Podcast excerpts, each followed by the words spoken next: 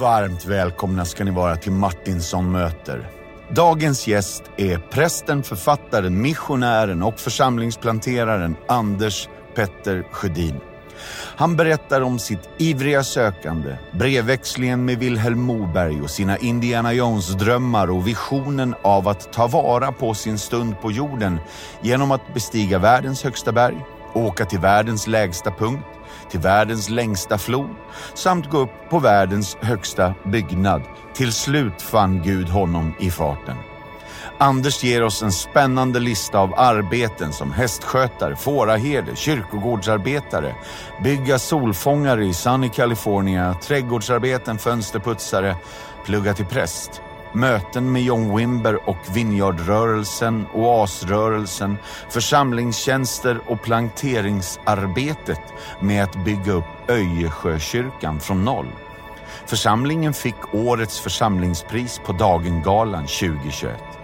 Anders avslutar sedan hela podden med att ge oss alla en underbar uppmaning till generöst givande. Hörni, varsågoda. Här har ni Anders Petter Sjödin.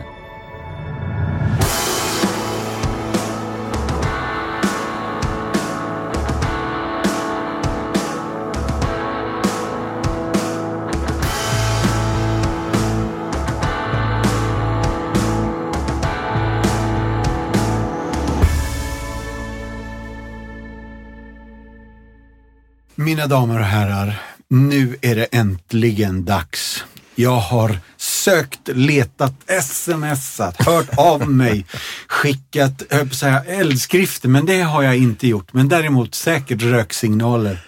Och nu är det dags. Anders Petter Sjödin, varmt välkommen till Martinsson möter. Da, da, da, da, da. Ja. ja. Åh, vad roligt att du är här.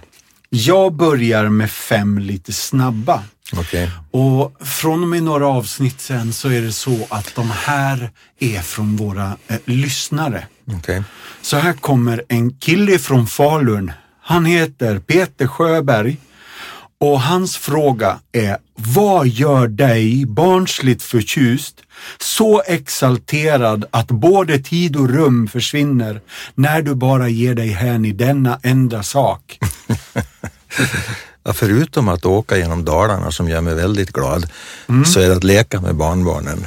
Ah, det, det, var, det var ett skönt svar. Och det avslöjar lite grann om vart du är på livsresan också. När det finns barnbarn att tillgå. Mm, precis, vi har väntat efter dem innan vi hade egna barn. Ja. Du, fråga nummer två. Den kommer egentligen från Göteborg, men Marie-Louise Nilsson kommer ju från Skåne. Och jag vet inte, jag är inte så bra att härma skånska dialekten. Men Marie-Louise jobbar med Alfa Sverige. Ja. Och hen, nu ska vi se då. Hennes fråga är, vilket är ditt favoritplagg? Eller vad klär du dig helst i och varför? Ja, det måste jag ju säga. Var, nej, det var småländska. jag tycker inte ens så inte. Längre ner, längre ner, Skåne. Skåne. Eh, je- jeans och en t-shirt. Japp. Nästa fråga är från Sofia Karling i Göteborg, men hon kommer faktiskt ifrån Småland. Och det blev lite skånskt där kände jag. Men hur ska vi hitta Astrid Lindgren här nu då? Om du, nej jag, jag klarar inte. Om du fick leva ett dygn i en berättelse eller en sagobok, vilken skulle det vara? Eh, Indiana Jones, jakten på den försvunna skatten. Du, och hade jag kunnat, hade, det förvånar mig inte. Det är det svaret jag skulle kunna gissa att du, att du gav. Vad roligt. Nästa fråga är från Öckerö och det är en tjej som heter Rut Elisabeth Brun Börjesson och hon undrar vad har du alltid i ditt kylskåp? Mjölk och ost. Och följdfrågan, vad för mjölk? Vilken ost? Eh, grevéost eller prästost och eh, mellanmjölk. Ja, fint. Nu kommer sista frågan och den är från Stockholm.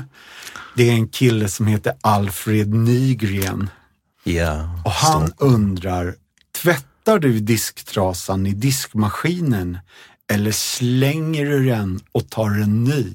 Alltså jag bara slänger den. Du bara slänger den. Ja, den Jätte- luktar apa.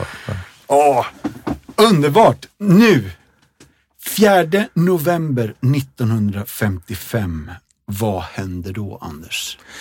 Då sladdade min mamma i en taxi över eh, Sandöbron eh, för att åka till Härnösand där jag skulle förlösas. Min pappa var borta och vattnet gick innan jag kom till BB så han satte på sirener på sin taxi.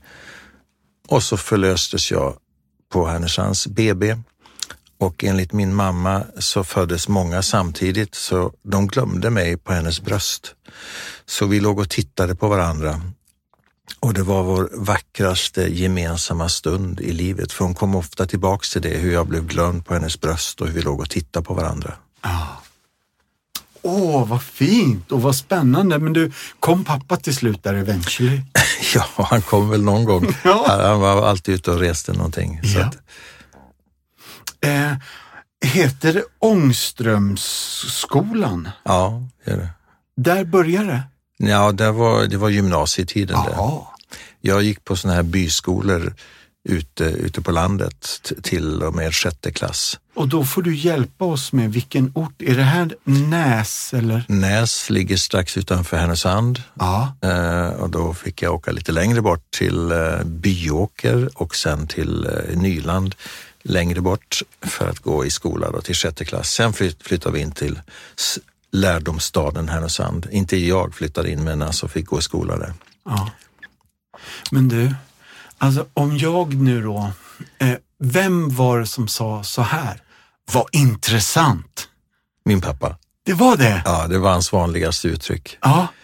Allting var intressant. Han, Ivrig på livet. Han lyssnade alltid på Vetandets värld och sa, åh fantastiskt vad intressant.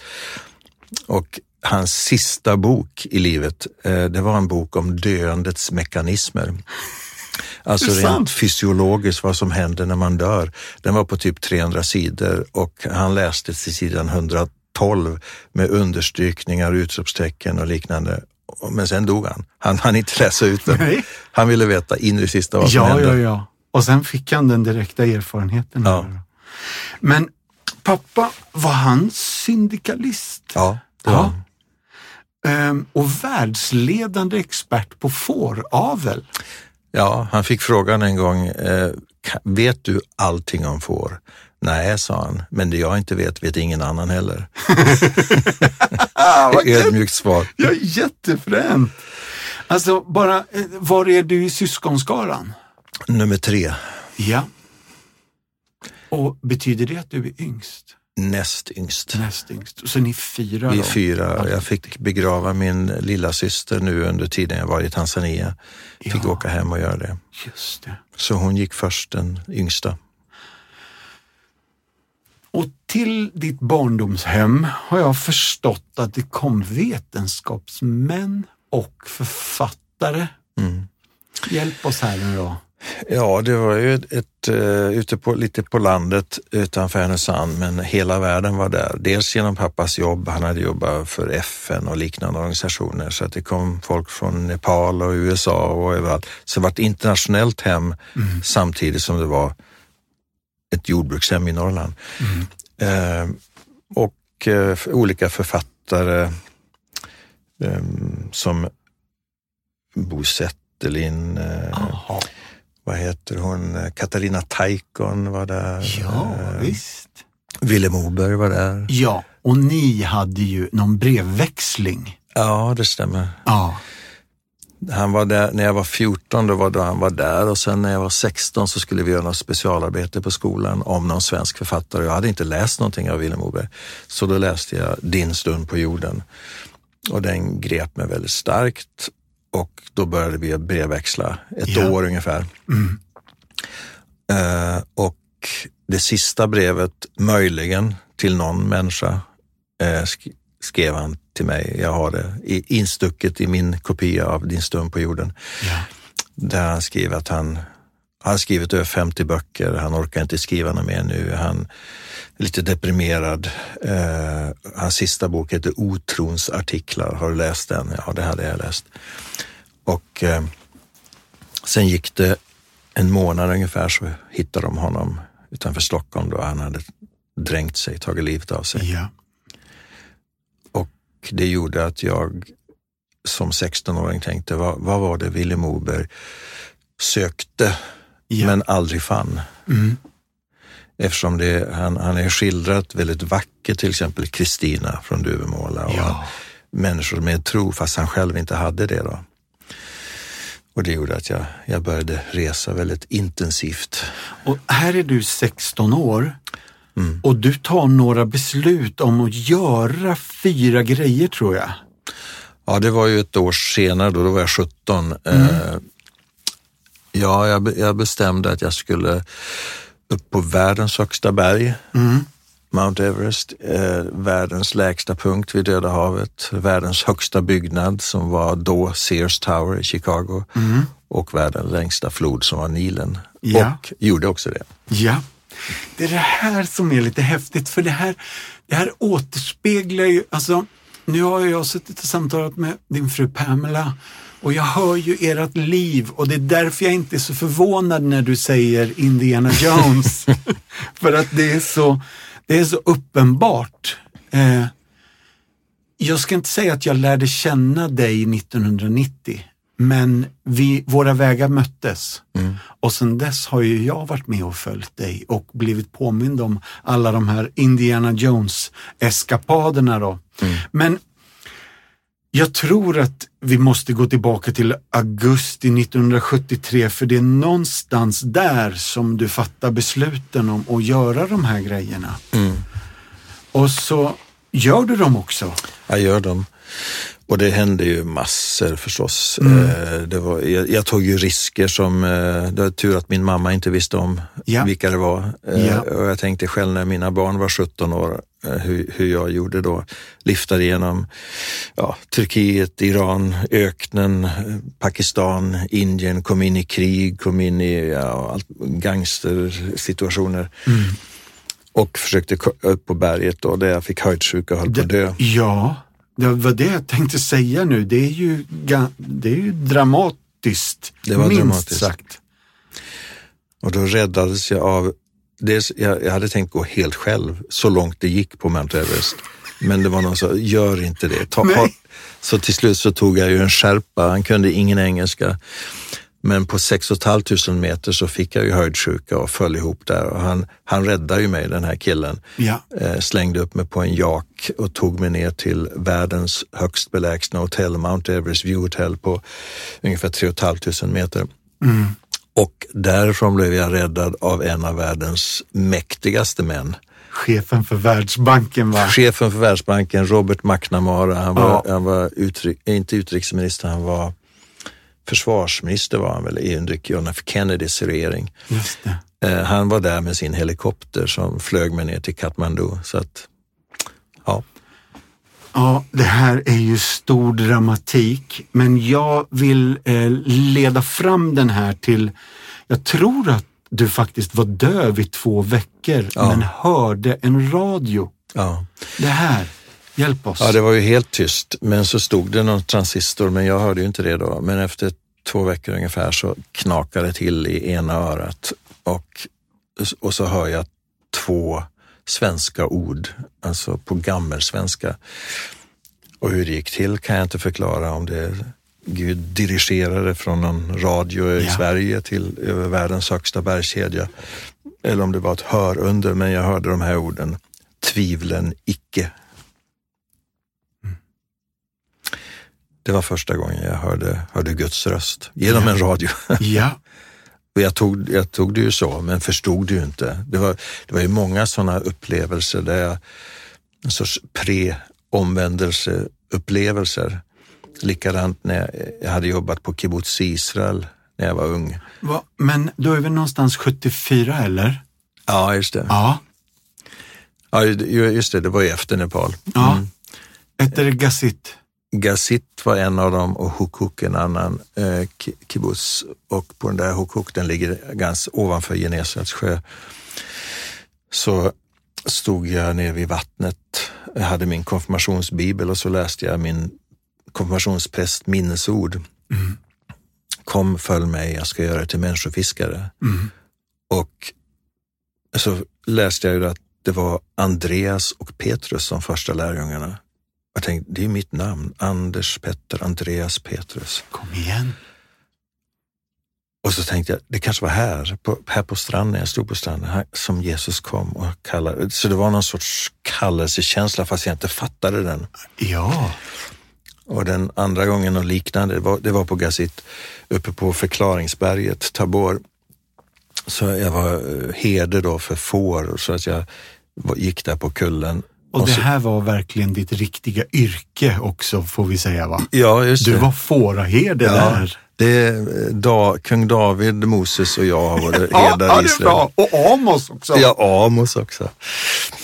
Um, jo, då, jag, jag känner inte till den där berättelsen när Jesus förvandlas och strålar som ljuset. Men mm. så uppe på berget så stod det en sån här liten plack med, med den berättelsen, så jag läste ju den.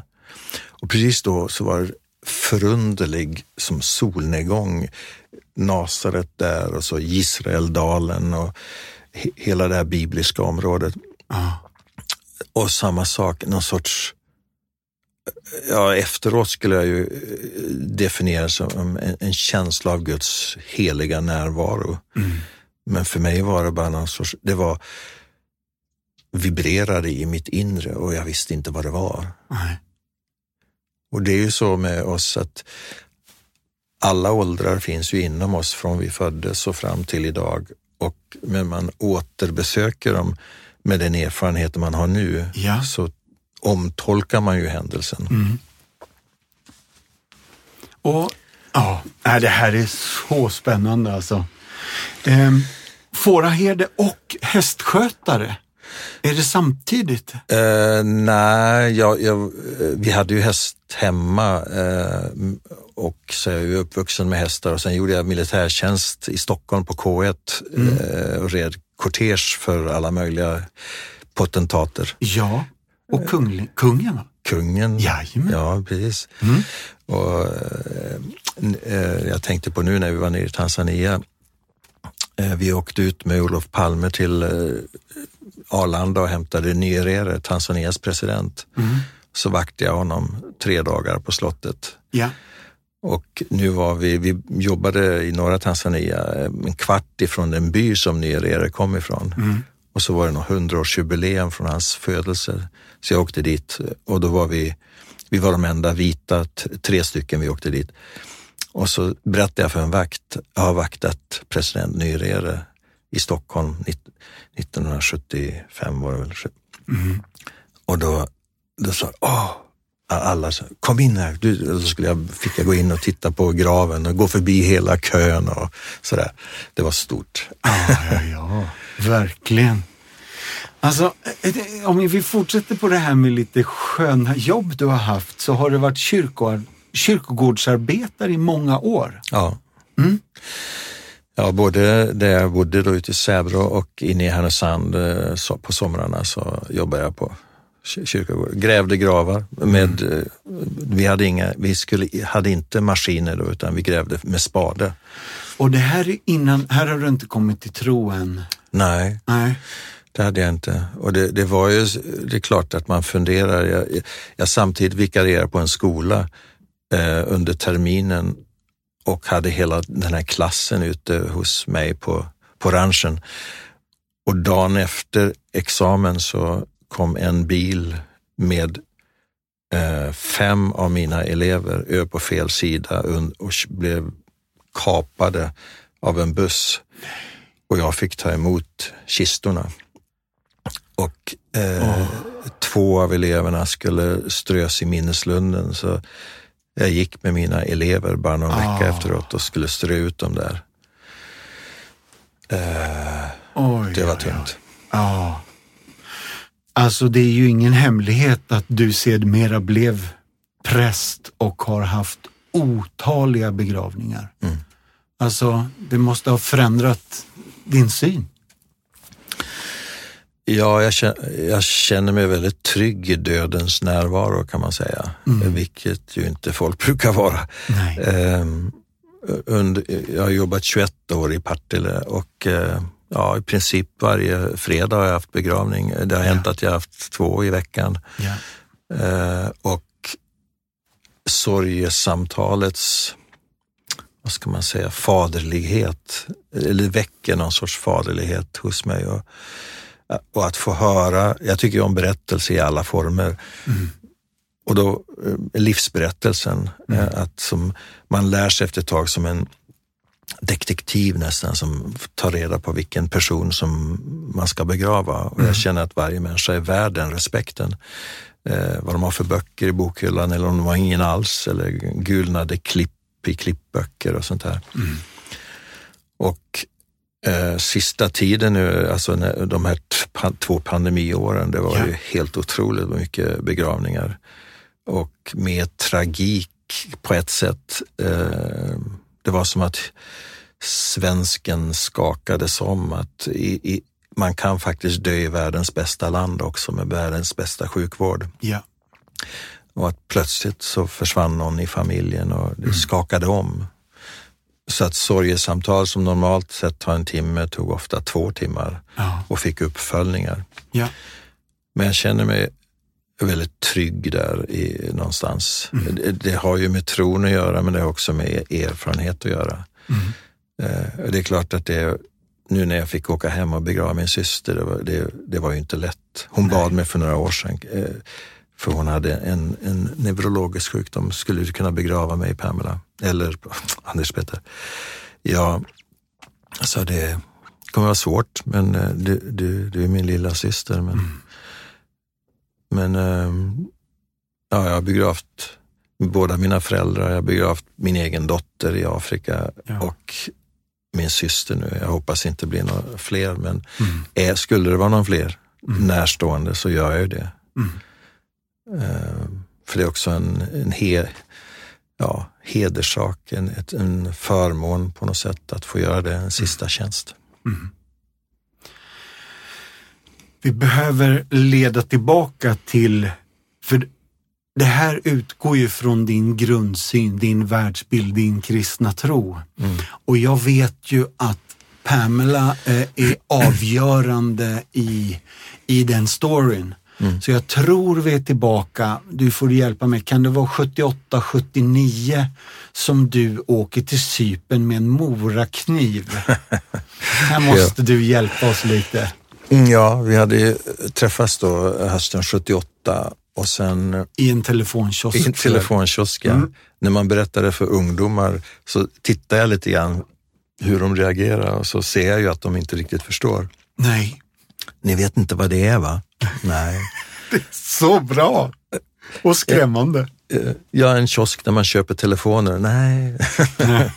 ja, där träffas vi i Uppsala och sen var det ju året efter då vi reste ut i Europa och så skildes vi åt i Schweiz och jag åkte upp till Uppsala och hon ner till Grekland. Och eh, där hade ju hon, det har hon säkert berättat, då, sin ja. transformerande upplevelse på stranden utanför Aten. Men jag visste inte var hon hade tagit vägen och fick bara ett vykort som jag inte förstod något av. Eh, det, det stod, vet du vad andedopet är och så en adress på Cypern. Det var, det var tydlig info. Ja, och då, ja, tydlig, men jag förstod det. Jag sprang, sprang upp till en professor på teologen i Uppsala. Så jag tror att min tjej har blivit kidnappad av någon knäpp sekt. Vad tror ja. du? Ja, det trodde han också. Ja. och så eh, åkte jag hem till Torbjörn Fälldin eh, som var ofta i vårt hus, men jag Just åkte hem till honom. Och, och här kanske vi får ge en referens för kidsen. Vem var Torbjörn Fälldin? Ja, han var en astronaut. Nej, han var, han var statsminister i Sverige. Ja. Eh, och eh, sa att ja, jag ska frita min tjej och eh, kommer inte jag hem har de tagit mig också. Mm. Och ringde upp eh, eh svenska FN-bataljonen på Sypen eh, och sa att jag, jag ska frita min tjej, jag kan behöva uppbackning. Ja. Oh. Och så flög jag ner, tog en taxi tvärs över ön eh, och Ja, det, det du syftar på då, det, det jag minns att jag hade med mig, det var en morakniv och min konfirmationsbibel. Ja. För jag, jag skulle slåss för min lady då. Ja. Och då kom jag till uh, Youth with a Mission, Ungdom med uppgift, deras bibelskola, bas där på Cypern. Mm. Och det var första gången jag träffade typ sådana människor som dig. Mm. Sådana som går omkring med gitarrer och himlar med ögonen Ja, och sjunger det. lovsånger. Ja. Alltså, jag visste ju hur man skulle hantera gangsters, men vad gör man med sådana som Ja. spelar gitarr?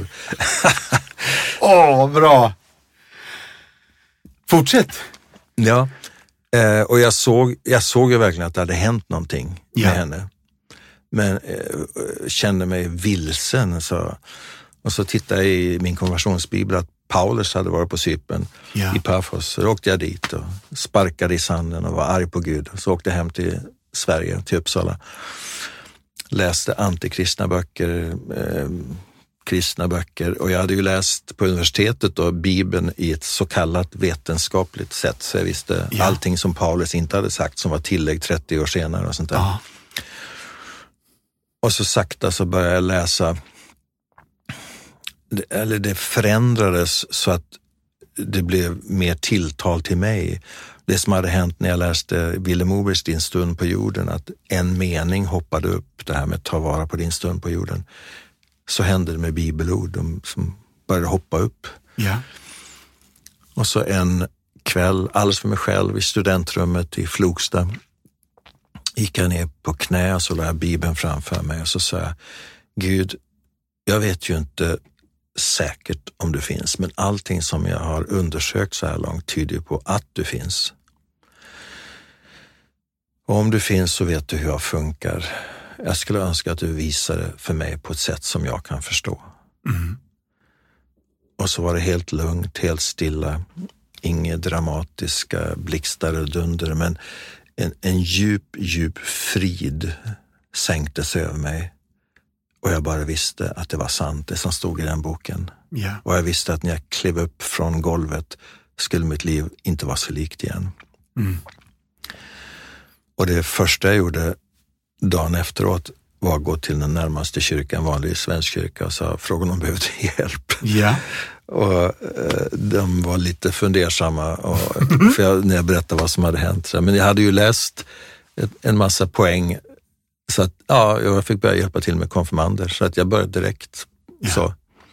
Och sen kom ju Pamela tillbaka, hon skulle väl se vad som hade hänt med mig. Och Hon såg att det hade hänt något och vi förlovade oss på en bro över, över Hågaån och, och sen har vi varit på något sätt i tjänst för Gud. ja. 19 april, är det det? 1981? Ja. Ja. Alltså, ja, då är det bröllop i alla fall, Ja. ska jag säga, så att det blir tydligt. Eh, och nu ska jag bara fråga ytterligare lite jobb här då. Okej. Solfångare i Sunny Cali. Trädgårdsarbetare, fönsterputsare, gymnasielärare och sedermera ungdomspräst. Mm. Ja, kan du hjälpa oss med, är, är det sant alltihopa? Ja, ja. Vi, vi producerade eh, Santa Barbara var det, Ah, i Kalifornien. mm. Ehm, solfångare, första generationens solfångare. Var är vi nu i tiden då? Det var 1980. Okej. Mm. Du, det är mycket resande här alltså. Mm. Men sönerna Robert och David och sen även dottern, Mm. vad hette hon? Sara, Ja. Sara Elisabeth. Och sen är det Östersund på slutet av 80-talet. Ja, egentligen hel, eh, till och från hela 80-talet, men vi var, i början var vi i USA och så 87 då jag hade stött på John Wimber och var väldigt fascinerad av honom. Så att, och, jag, och åkte över 87, studerade på Fuller och hängde mycket på Vineyard.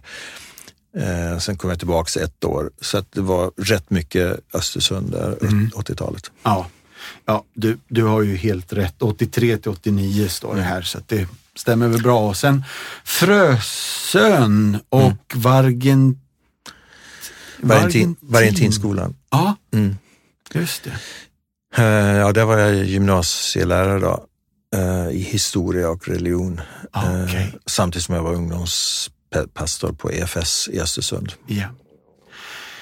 Och hela den här tiden så är det liksom de här referenserna. Det är Beach House i Santa Barbara, det är nerkabbat i Pasadena och det är Fuller Theological Seminary här.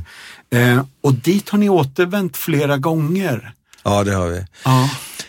Jo, det, eh, jag läste ju på Uppsala universitet och det var ju eh, möjligen då i slutet på 70-talet ett av de mest, om man ska använda de orden, liberala. Jag hade lärare som undervisade teologi som inte trodde på Guds existens till exempel. Att få läsa på Fuller där, hög akademisk nivå och samtidigt eh, en sorts självklarhet i missionsuppdraget. Eh, men det var, det var Wimber som först tog mig dit och så läste jag för Peter Wagner om church growth och sådär. Sen har vi kommit tillbaks. Jag har läst på distans där när vi, när vi jobbade i Afrika på början på 90-talet. Men från 88 till 2001 så var vi där och båda två och jag doktorerade i, på Fuller och alltså fantastiska lärare och fantastiska kollegor med, med, från nästan alla samfund på jorden som finns. Ja.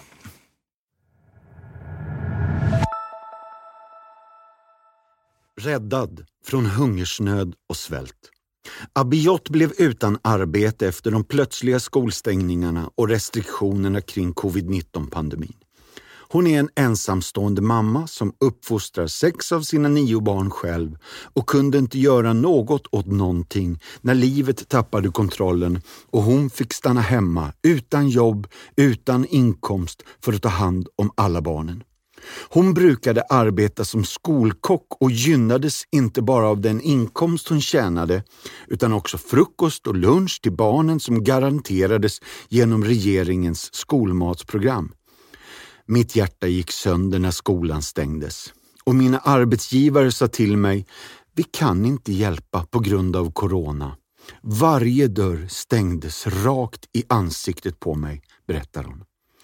Abiot förlorade nästan all sömn i många nätter och försökte desperat hitta en möjlighet att hålla sina barn med mat och vid liv. Hon var tvungen att övervinna sina skrämmande tankar och tvingade sig själv att lyssna på livets röst inombords. Hon valde att leta efter en lösning från Compassions kyrkopartner där hennes fyraåriga son Habte Mariam nu ingår i fadderbarnsprogrammet. I tårar förklarade Abiot situationen hemma för projektledaren Tsege som också blev rörd till tårar av den ensamstående mammans situation. Tsege ordnade fram mat åt familjen i flera månader plus hyrespengar tills covid-19-krisen hade passerat. Nyheten fick familjen att jubla av glädje. Äldsta dottern Etsub hissade upp sin bror Habte Mariam i luften och fångade honom. Tack och lov att du föddes! Glad grät hon. Det är på grund av dig som vi har mat i huset. Compassion har räddat mina barn från hunger, säger Abiot glatt. Compassion är anledningen till att jag inte klagar på Gud och nu är de min anledning att tacka honom. Jag ser tydligt varför Gud förde oss till kyrkan. Vart skulle jag annars ha tagit vägen för att få den här hjälpen? Du som lyssnar, jag vill utmana dig. Swisha en gåva till Compassion. Här kommer numret. 936 41 936 41 och du som kan, gå in på vår hemsida och bli fadder idag. För 310 kronor i månaden kan du vara med och förvandla liv tillsammans med oss. Gå in på compassion.se och bli fadder idag. Tack snälla för att ni är med och förvandlar vår värld.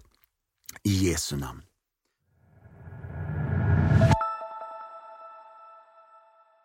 Sommaren 1990 är mitt första möte med dig Anders Petter och du kom hem ifrån Afrika tror jag, otroligt brun. Alltså något så galet brun och väldigt ljushårig. Mm. Och jag, vi har en gemensam referens med John Wimber, men också en samling där vi, där vi hela tiden blir störda av bluesgitarristen Robin Ford. Kommer du ihåg Just det? det, och Paul Kane var där. också. Ja, visst.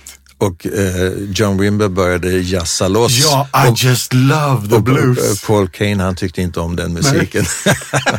ja, det var där på Avenyn, inte Avenyn, på, ja. ja, men den här det- Heden va? Vad Heden Var var det inte hotellet ja, där vid Ja, Heden? jo det var. Ja. Men du, berätta lite om det här. För det här är en epokavgörande Ja. händelse i kristenheten i Sverige, den, den här sommarkonferensen va? Många som var där upplevde ju det, att det var ett, skifte på något sätt för dem personligen och för, för landet. Ja. Det var ju en engångskonferens, alltså det skulle inte bli Göteborg 91 och 92 och 93 utan eh, och 6 000 människor som samlades. Och det var det för mig också, det var väldigt starkt. och det var lite svårt för jag hade varit så pass kort, ett halvår i Tanzania och, och så kom man hem till Sverige och fick gå in eh, på ICA och det fanns mycket gott att köpa och äta och sådär. Vi hade ätit ugali och kassava ett längre tid. Men, men det, för, för, för Sverige, ja jag kände ju mycket för Sverige och det kändes som att det var en avstamp för någonting. Och sen var det enormt fascinerande alltihopa med John Wimbers undervisning, med eh, New English Orchestras, deras fantastiska eh, Lovsångsledning. lovsång Ja, ja, ja. och, och mm, de, en, en, ett eget stycke som de hade gjort just för det här tillfället. Mm. Ehm, och även med, med eh, Brent Drew på rondo. Då. Det, var, ja, det hände otroligt Ja. mycket. Vi hade ungdomsmötena där. Mm. Jag satt bakom trummorna hela den veckan och njöt. Mm. Mm. Men det här eh, startade något nytt. Eh, men tiden i Afrika, tillbaka till det så, ett mobil fattigmansuniversitet i en ständigt växande kyrka. Och där jobbar du mitt i allt i fyra år, fem år. Ja, nästan fem år. Ja, Ja, det, de har, hade ju haft veck, en konstant väckelse sedan typ början på 80-talet och kyrkorna växte så det knakade och ibland så tänkte jag så här, Gud, vad, vad gör jag här? Ja. Lämna Sverige. Och varje gång så fick jag svaret, det är en förberedelse för det som ska komma. Mm.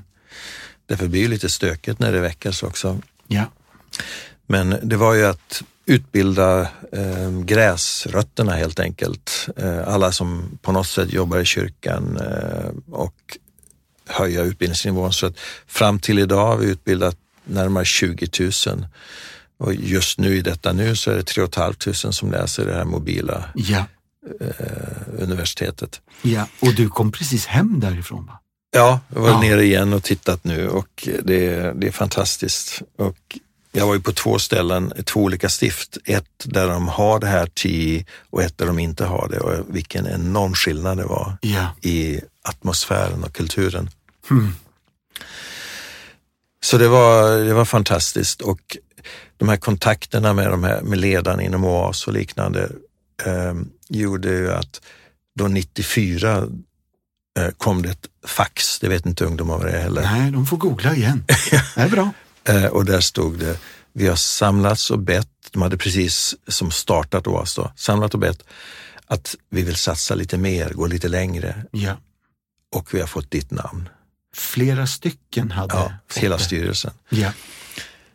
Så det var ju en tydlig kallelse. Mm. Så vi kom hem hit. Eh, Första OAS-mötet var ute i Hunnebostrand och eh, ja, det blev jag avskild då för som inspiratör på heltid. Torsten Josefsson hade gärna velat haft den titeln. Han var Ja. avundsjuk på mig. Ja. Men den hade jag då i Ja. eh, fyra år ungefär. Ja. Och här någonstans kommer också författandet igång och den bästsäljaren Sök Guds ansikte kommer väl ut 96 någon gång. Ja, det gjorde den. Mm. Ja, det är många som har kommit så här långt efteråt berättat, pastorer, präster som har sagt, ja den, den hjälpte mig mycket, den Ja, gav mig ja, mycket ja. inspiration och bilder och sådär och tankar och även eh, hopp, alltså för kyrkan.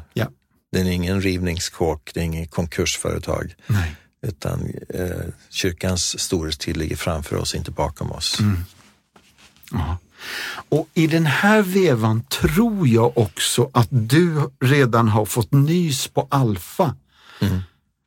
Alltså, Vi åkte ner, eh, Carl Gustaf Stenbeck som var ordförande, till eh, London och träffade Nicky Gamble och det var ju för att få ge ut den då i, i Sverige, Ja. översätta den och så. Och det var OAS som gav ut första upplagan. Och så gick vi också eh, på en kurs, jag och Carl Gustav i någon annan stad, södra England. Och de visste inte att vi var där, eh, från Sverige. Och när det var förbön så kom jag fram och så var det en som sa, du är inte från England va? Nej. Så. "Eh, är det kors på din, ditt lands flagga? Ja. Jag ser ett guldgult kors och så ser jag ett vetefält framför och veteaxeln går upp i korset och så är det en skära framför det. Det är som att det är nära förestående skördetid i ditt land. Säger det den här bilden någonting? Om du bara visste. För det var det Gud hade visat med flaggan, med framtiden och så. Ja. Väckelse. Så att eh, Pamela, det var, det var tre, som jag förstår det, var tre grupper som startade samtidigt, alfaklasser eh, i Stockholm, Vineyard och i Kummelby. Och så vi, gjorde Pamela startade en i Östersund där jag undervisade då. Eh, 97 var det väl då. ja. Och sen är det ju, ja, The rest is history, Ja. verkligen. Avgörande inflytande och ett avtryck som påverkar he- kristenheten i Ja. alltså alla sammanhang. I alla sammanhang. Och överallt där jag har varit, så de som har fått en verklig livsförvandling och blivit engagerade och så här, de har Ja. kommit genom Alfa. Ja, Det är en genialisk, enkel pedagogik. mycket fint. Ja, så spännande att du var med i den här eh, inbjudan till detta som skedde i Sverige och den här start, starteran. Jag tror att det blev South Pasadena 98 eh, till 2001 någonstans. Ja. Och då pluggar Pamela och du pluggar också säkert igen. Ja, Ja, tillbaka till Fuller. en, eh, en eh, Doctor of Ministry heter det, det finns inte i Sverige, men eh, det är en mer praktisk doktorstitel kan man säga. Eh, Och där jag hade några av världens bästa mentorer. Ja, Men en som, ja, han är inte så känd i Sverige, Dallas Willard, han är filosofiprofessor, men han betyder jättemycket. ja bland pastorer är han ju en legend. Ja. Alltså. Eh, att få vara med honom, det var som att sitta med C.S. Lewis. Eh, Ja. Så smart och så ödmjuk. Mm. Så må- många timmar har jag suttit vid hans fötter. Ja. Åh, vad fint. Och sen tycker jag att det är, är, är spännande för att eh, 2001 blir det K-hög, va? Ja, då fick vi en kallelse igen. Eh, Mm. Det kom ett, en rad. Alla mina kallelser var så. Jag har aldrig sökt en tjänst på normalt sätt. Nej. Jag kom någon, och då var det, eh, det ska byggas en kyrka i något som heter Furulund och det ska bli Göteborgs stifts första samarbetskyrka mellan EFS och Svenska kyrkan. Ja. Och vi tänker på dig. Sådär. Mm. Och jag kände, ja, det är nästa steg. Ja. Och då hittade vi ett hus i Kåga i Partille. Och sen blev det 21 år. Först i Furulund och 10 år och sen 10 år i Öjersjö ungefär. Och eh, eh, skulle man säga att, att Furulund startades som en församlingsplantering? Ja, det kan man ju säga. Först var det bara EFS. De hade en lägenhet och bedrev ungdomsverksamhet Ja. eh, parallellt med Svenska kyrkan. Men sen fanns, fanns det någon dröm om att sam, erkänna varandras arbete. Och det var ungefär då, så det var, kyrkan byggdes ju 2001. Just det. Det invigdes då och då var det en samarbetskyrka. Det här är häftigt. Eh, Jag måste bara fråga, är det här vanligt inom Svenska kyrkan att man församlingsplanterar och bygger kyrkor? Nej, det är det Nej. inte. Och sen kom det en till inom tio år då. Yes. Du måste fortsätta här för det här är ju, det är spännande. Ja. Mm. Ja, nej, men det är Gud som leder och just den andra kyrkan, Öjersjö då, det, då satt jag i Furulundskyrkan en sen kväll och förberedde någonting, en begravning tror jag det var. Och så hör jag en röst som säger Öjersjö. Mm. Och jag säger, vadå Öjersjö? Kyrka. Vill du att du ska bygga en kyrka i Öjersjö? Ja. Mm. alltså det låter överdrivet enkelt, mm. men det var så jag uppfattade det. Yeah. Och det här var sent på kvällen. Morgon efter ringer kyrkoherden Lars Hjort och så säger han, du Anders Petter, skulle du kunna tänka dig att jobba mot Öjersjö? Och innan han är färdig med meningen säger jag ja. Oh. Och berättar vad som har hänt kvällen innan. Yeah. Och sen går det ju väldigt snabbt när vi får köpa av Saron då, det här Sjötorp. Och lägergården, ja. Lägergården, eh, starta en församling och samma dag vi får nyckeln kan vi starta verksamhet och sätta igång. Ja. Uh, det, ja, det, är en, det är en solskenshistoria, fantastisk, fantastiskt roligt. Mm. Och det var, det var ju lite grann nu i september att det var som att lämna ifrån sig sitt barn lite grann. Ja. Men det kändes tryggt. Det, många hängivna frivilliga, fantastiskt arbetslag eh, och en, en god präst, Joel, som tar över så att det, det kändes helt tryggt. Mm. Ja, det är så spännande. Du, innan vi avslutar och går ner för landning. Eh, eran församling har ju sedan länge haft ett arbete med någon, någon ni stöttar en barnby i Kidilo mm. eh, och liv har blivit förvandlade.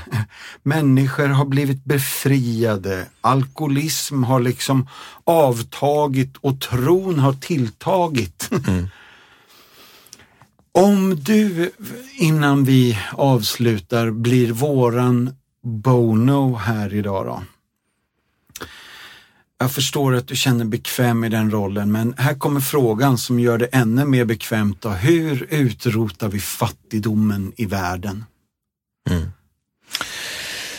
Den, den frågan diskuterades mycket i mitt hem. Eh, vi var väldigt olika då, min syndikalistiska pappa och eh, två röda systrar och en konservativ bror och en eh, kyrklig mamma. Och, eh, på olika sätt. Så att de svar min familj skulle ge, min pappa då som var hushållskonsulent, agronom, han skulle ge ett sorts agronomiskt svar. Mm. Höj, eh, alltså eh, proteinförsörjningen, eh, sålla bort de dåliga djuren så det inte blir överbetning, eh, att folk får mat helt enkelt. Mm. Och det var det han jobbade med. Mm. Och det är ju en del av, av mm. svaret. Min syster eh, som har bott i Sydamerika i över 50-60 år, 50 år i alla fall och har jobbat för diakoni och annat. Hon, hon skulle kanske ge ett sociologiskt svar, alltså hjälp dem som hjälper sig själv eller som, som det är någon mening med att hjälpa. Eh, att inte bara dumpa pengar, det, som, det kan vara som att slänga i ett svart hål. Ja. Du måste se vem som, som kan göra någonting med det så att säga. Eh, om man tänker Sida eh, med kolonialkomplex har inte velat sätta krav på pengarna utan, och då har det kommit eh, under bordet och till eh, korrupta politiker och så. Just det. Sådana grejer. Mm. Eh, min mamma hon skulle utan att reflektera så mycket säga, men de behöver mat, ge, ge, ni måste äta så att ni får bli mätta. Alltså en sorts passion eller barmhärtighet. Mm. Och min bror han skulle säga jobba mera. Eh, alltså sitt inte och lata er. Ja, just det. Eh, och det ligger ju någonting i det också, för det finns, i, i varje fattig by så finns det de som inte är det, som på något sätt har en entreprenöranda och ser möjligheter att odla något eller skapa något, inte bara ta emot. Ja. Eh, som gammal lärare skulle jag väl ge något, först ett sorts pedagogiskt svar. Eh, att det handlar om utbildning. Eh, det är så mycket, i den byn till exempel, mycket vidskepelse, eh, häxdoktorer som styrde och så vidare, okunskap, utbildning, det händer någonting med människor när de, när de får bredare referensramar. Ja. Men om jag skulle ge några teologiska svar. Så det, det ena är ju ur vårt perspektiv då, alltså givaren eller stöttaren, facilitatorn för saker där ute, eh, är ju ett förvandlat hjärta. Romarbrevet 12.2. Låt det förvandlas genom förnyelse av era tankar. Eh, vi är bara förvaltare. Mm. Jag äger ingenting utan jag är förvaltare. Mm. Och hur jag använder det och Guds ekonomi är det, ju mer du ger, ju, ju mer blir det. Mm. så det, om man håller du hårt så får du inget. Um, och Jesus som förebild, Kristus och vi heter kristna för vi är som små kristna ska vara som Kristus mm. i de platser vi, vi är. Uh, en, en aspekt av det som kanske inte kommer med så ofta det är ju att ja, så Guds ledning. Jesus gick förbi kanske hundra människor för att hjälpa han som hade sjuk 38 år. Ja. Varför gick han förbi dem? Var de inte värda någonting? Jo, men just den dagen, just då var det den här personen eller kvinnan vid Sykars brunn eller så. Att vi, vi, kan ju inte göra allt. Eh, då blir vi överväldigade i, i sinnet, perplex sådär. Vi orkar mm. inte. Utan Gud leder ju faktiskt och i det här fallet ledde Gud oss till den här byn. Om du frågar i närmaste stad, i Ringa, vet ni var Kediro ligger? Vet de inte det? Mm. Men ute i Partille är det hundratals människor som vet var Kediro ligger. Ja. Eh, Gud visade det och i den byn har han visat också, han visade Pamela en flicka när hon var 11 år, eh, Debora. Det var något speciellt där. Mm. Och det var så fantastiskt nu för några veckor sedan bara åkte vi med henne ut och hon är den första utbildade kvinnan i den byn. Kom igen. Vad det betydde för dem att se, ja. hon kommer från oss. Hon är farmaceut, nästan som sjuksköterska. Hon vill mm. hjälpa sin by. Så hon blir en förebild. Eh, och det är som jag har hört dig eh, ett par gånger när du är ute, goda exempel. Mm. Dåligt samvete har aldrig inspirerat till någonting, men goda exempel gör det. Mm. Och att var och en får söka, vem, vem, vill du att jag ska, på vilket sätt ska jag engagera mig? Yeah. Och ja, som den här gamla kända historien om sjöstjärnorna, att det, ja, men det hjälper den här och den här och mm. den här. Nej, du kan inte ändra hela världen. Sen finns det ju naturligtvis också ett, ett politiskt svar, att någon sorts barmhärtiga strukturer, men de är ju ofta obarmhärtiga. Ja. I Afrika till exempel nu så är det ju Kina som är den nya kolonialmakten. Ja. De tar över allting. Mm.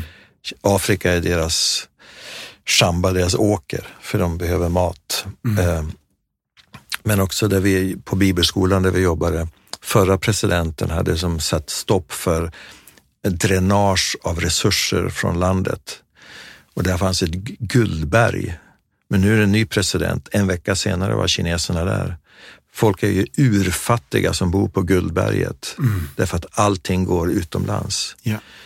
Men det kan ju knappast jag eller du förändra den typen av strukturer och få ändå göra det som är gott och det som är sant och det som är riktigt mm. i den lilla skalan. Mm. Men det finns ju poli alltså politiska system också som behöver förändras. Ja, det är bra. Så det är olika nivåer, det är olika, olika svar på en komplex fråga. Mm. Oj, oj, oj, jag blir alldeles matt och lite lycklig i hjärtat för jag vet att det liksom i grunden så är det ju Jesus synsätt som får förändra och förvandla oss mm. ett liv i taget. Och eh, bara att få höra din life story så känner man ju att vilken resa! Ja. Vilken Indiana Jones alltså. Och den fortsätter. ja, det är bra. Det är bra. Det är jättebra. Jag är pensionerad från en tjänst, inte från livet. Nej, det är bra. Och det fortsätter. Det tar vi emot. Du Anders, vi ska gå ner för landning nu. Eh, jag vill bara säga ett jättetack till dig ett, för att du kom till Martinsson möter idag. Men två, för det liv du lever, det exempel du har gett oss, de böcker du har skrivit, de predikningar du har delat ut till Kristi kropp i så lång tid och över sån god liksom fått se, förändring och förvandling och du har varit en bidragande liksom pusselbit från Guds nåd in i inte bara vårt land utan vår värld. Så tack snälla för det du gjort och den du är. Och tack för att du gör det du gör. Mm. Vilken podd var det här? 200? Ah, jag vet inte. Du vet inte. Drygt hundra i alla fall. Nej, alla mm. gör sitt ja. och du gör ditt. Tack. Yes. Tack Anders.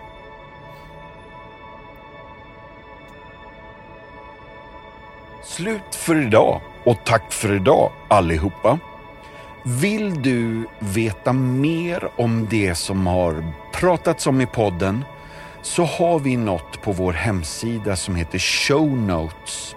Där kan du se alla länkar till sånt vi pratar om när vi refererar till en film eller en bok eller en sång. Då finns de länkarna där, så gå in på compassion.se så hittar du helt enkelt massa extra material. Tack, ha det bra, Bye bye, hej då!